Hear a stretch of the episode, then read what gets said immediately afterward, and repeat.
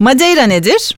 Madeira bir adadır Atlantik Okyanusu'nda tabii ki ama aynı zamanda bir şaraba ve şarap stiline de adını veren adadan bahsediyoruz. Madeira adası Portekiz'in uydu adasıdır. Atlantik Okyanusu'nda tam Cezayir'in batısında e, yer alır. Yani aslında Portekiz'e oldukça uzak olan bir adadan bahsediyoruz. Ekvatora çok yakın olan ve çok sıcak olan bir adadan bahsediyoruz. Burası volkanik bir ada. Üzeri tamamen ormanlarla kaplı. Zamanında adayı Prens Henry'nin korsanları keşfettiklerinde uzaktan bir e, siyah e, bulut olarak e, görmüşler. Halbuki e, üzerinin tamamen ormanlarla kaplı olmasından kaynaklanıyor. Adada üzüm ve şeker pancarı yetiştirmek istemişler. O yüzden de adanın büyük bir kısmını günlerce, aylarca hatta söylentilere göre yıllarca yakmışlar. Çünkü tarım yapacak arazi yokmuş. Öyle düşünün. Ve nihayetinde bugün baktığımız zaman e, oldukça yüksek rakımlara sahip olan e, Madeira Adası yeni bir e, stil şarabın da doğmasını sağlamış.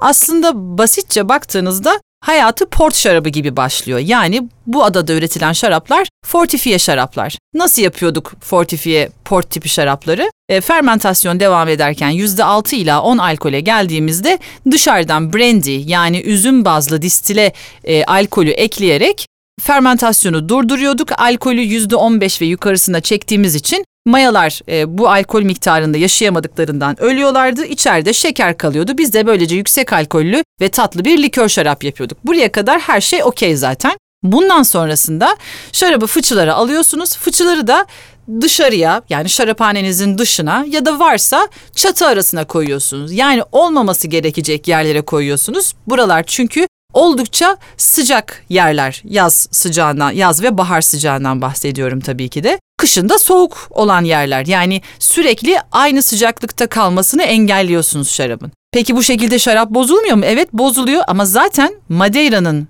stili bozuk. Yani sizin önünüze özellikle bozularak geliyor şarap. Nereden çıkmış bu derseniz de Portekizli denizciler malum sürekli keşif yapıyorlar. Madeira adasından adasında yaptıkları şarapları alıyorlar.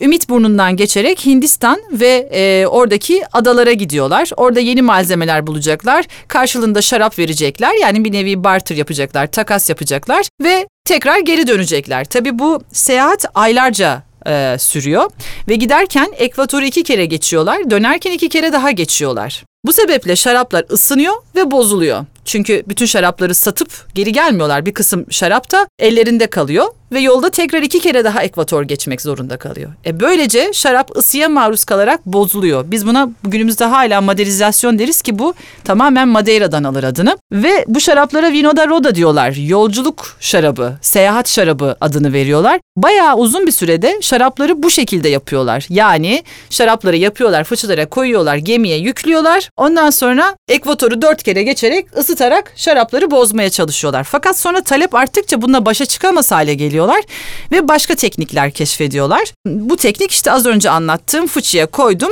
çatı arasına ya da dışarıya koydum tekniği sonuçta aynı bozulmayı sağlıyor.